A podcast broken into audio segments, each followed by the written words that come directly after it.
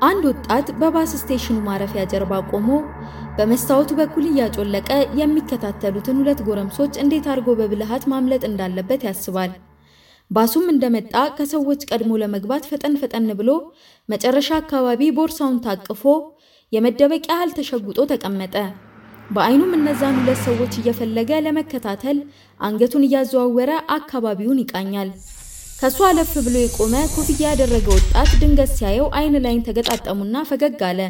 ወጣቱ ይሄኔ በልጁ ፈገግታና የሹፈት አስተያየት በጣም ተደናገጠና ለመኖሪያ ቤቱ አንድ ፌርማታ ሲቀረው ልክ የባሱ በር ሲከፈት ተንደርድሮ ወጣ። ከሱ ውጪ ማንም ከባሱ ውስጥ እንዳልወረደ ሲያስተውል እፎይታ ተሰማው። ወደ ምድር አጎንብሶ ትንሽ ትንፋሽ ወስዶ ከተረጋጋ በኋላ መንገዱን ጀመረ። ትንሽ ርቀት እንደተጓዘ አሁንም ሁለት ወጣቶች ከኋላ የሚከተሉት አይነት ስሜት ተሰምቶት ዘወር ሲል አንዱ ቅድም ባሱ ውስጥ የሳቀበት ልጅ ሆኖ ታየው። በፍጥነት መራመድ ጀመረ። ላቡ በጀርባው እስኪወርድ እየተንደረደረ መንገዱን ቀጠለ።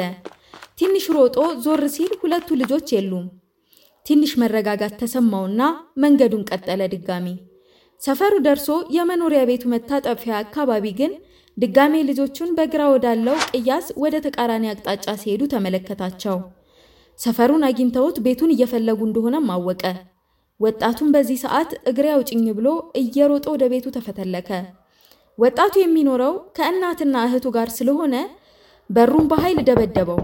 እህቱ በፍጥነት ሮጣ በሩን ከፈተች። ገፍትሯት ገባ። እናትና እህቱ ተደናግጠው ምን እንደሆነ ጠየቁት። ሰዎች እየተከታተሉት እንደሆነና በማንኛውም አጋጣሚ ሊገሉት እንደሚችሉ ነገራቸው። እናቱ በጣም ተጨንቃ በሩን ከፍታ እነማን እንደሆኑና ምክንያታቸውን ልታጣራ ልትወጣ ስትል ተንደርድሮ በሩን ዘጋባት። በፍጹም መውጣት እንደሌለባት ሊገሏት እንደሚችሉም ነገራት። እሷም እሺ ብላ እንዲረጋጋ ነገረችውና ሻወር ግን መውሰድ እንዳለበት ነግራው ፎጣ አቀበለችው። ወደ ሻወር ቤት እሱ እንደገባ እናቱ ወጥታ አካባቢውን ቃኘች። እዛ አካባቢ የቆሙ ሰዎችንም ሰው ሲያሳድደው እንደነበር ጠየቀች። ነገር ግን ሁሉም ሰው ምንም ነገር እንዳላየ ነገራት። እናትይቷ ወደ ቤት ስትመለስ ግን በሩ ተከፍቶ ወጣቱ ከነታናሽ እህቱ ቤት ውስጥ የሉም። በፍጥነት ስልክ አንስታ ደወለች። ሁለቱም ስልካቸውን ትተው ነው የወጡት። ከደቂቃዎች በኋላ እጅግ በጣም ተደናግጣ ወደ ፖሊስ እየደወለች እያለ እህቱ ተመልሳ መጣችና ጓሮ ተደብቆ እንዳለ ነገረቻት። እናትይቷም ምንም ባለመሆናቸው እፎይታ ተሰምቷት ወደ ወጣቱ ልጇ ሮጠች። እያባበለችና እያረሳሳች ወደ ቤት መለሰችው። ቅድም እናቱ ስትወጣ ሻወር ቤት ገብቶ እየታጠበ ሳለ ከሻወር ቤቱ መጋረጃ ውጪ የቢላዋና የብረት ስለት ድምፅ ይሰማል። ድንገት ሲገልጠው ማጋረጃውን አንድ ጠብታ ደም መሬቱ ላይ ያያል። በጣም ደንግጦ ማጋረጃውን መልሶ ዘጋውና እዛው ጥግ እግሩን ሰብስቦ ተቀመጠ። ነገር ግን የት ነው ያለኸው? የት ነው ያለኸው? የሚል ድምፅ ይሰማዋል። የቢላዋ ስለት ይሰማዋል። ለአስር ደቂቃ በእንደዚህ አይነት አስጨናቂ ሁኔታ ከቆየ በኋላ የእህቱን ሲቃ ድምፅ ሲሰማ ተፈትልኮ ከሻወር ቤት በውስጥ ልብሱ ወጣ። እህቱንም እየተጣራ ይዟት ከቤት ውስጥ እየሮጡ ወጡ። ከቤታቸው ጀርባ ባለ የአትክልት ስፍራ ጸጥ ብላ እንድትቀመጥ አዘዛት። እሷም ሳትከራከረው እሺ አለችው። እዛ ተቀምጠውም ሊያስረዳት እየሞከረ ግን ቃላቶቹን በአግባቡ ተጠቅሞ ማስረዳት ባለመቻሉ እንባ ይተናነቀዋል። በዚያ አጋጣሚ እህቱ እናታቸውን ታስታውሳለች። ከተቀመጡበትም የአትክልት ቦታ ሮጣ ወጣች። እቤትም ስትገባ እናታቸው ለፖሊስ እየደወለች ነበረ። ፖሊሶቹም ከትንሽ ቆይታ በኋላ ቤታቸው ደርሰው አካባቢውን ጨምሮ ሙሉ ቤቱን ፈተሹ። ምንም ነገር አልተገኘም።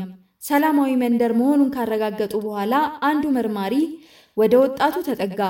ወጣቱ በእርግጥ ጥበቃ ውስጥ እንዳለ ተረድቶ ቢረጋጋም ፖሊሱ ወደ እሱ የተጠጋበት መንገድን ሲመለከት ከተቀመጠበት ተነስቶ እጁን ወደ ላይ አድርጎ እኔ የዘረፍኩት አንድም ባንክ የለም፣ በሐሰት ነው የተከሰሱኝ፣ እመነኝ፣ እኔ ባንክ ቤት የገባሁት የራሴን ገንዘብ ለማውጣት ነው እያለ መለፍለፍ ጀመረ።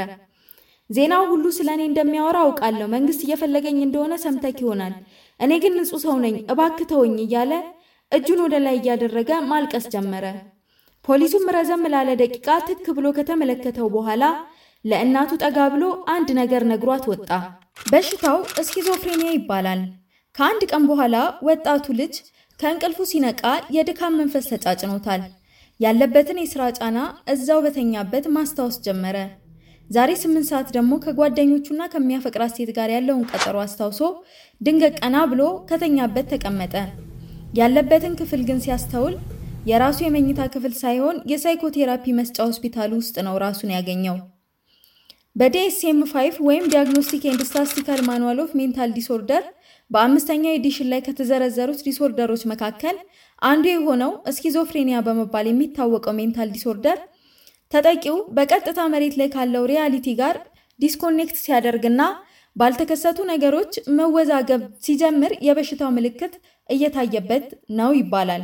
አንድ ሰው በስኪዞፍሬኒያ ሜንታል ዲስኦርደር ተጠቅቷል ለመባል በቀጣይ የምንመለከታቸውን አምስት ምልክቶች በግልጽ ሊስተዋሉበት ይገባል። የመጀመሪያው ተጠራጣሪነት ፓራኖይድ ነው። ሁሉንም ሰው ሊያጠቃኝ ነው ብሎ መጠርጠርና ከሰዎች ራስን ለመነጠል መሞከርና መደበቅንም ያካትታል። ሁለተኛው ደግሞ ሃሉሲኔሽን ነው። ሃሉሲኔሽን ያልተፈጠረን ድምፅ መስማት፣ ያልነበረን ነገር ማየት። ለምሳሌ ፊታችንን በምናይበት መስታወት ውስጥ ከጀርባችን ሰው የቆመ መስሎ ይታየናል። የሰዎች ድምፅ እንሰማለን። አንዳንድ ጊዜ መንገድ ላይ የሆነን ሰው እያናገሩ የሚመስሉ የአእምሮ እክል ያጋጠማቸው ሰዎች ወይ ከስራ ባልደረባቸው ጋር ወይ ከአንዱ ባለስልጣናት ጋር እየተወያዩ እያወሩ የሚመስላቸው ሰዎች አሉ።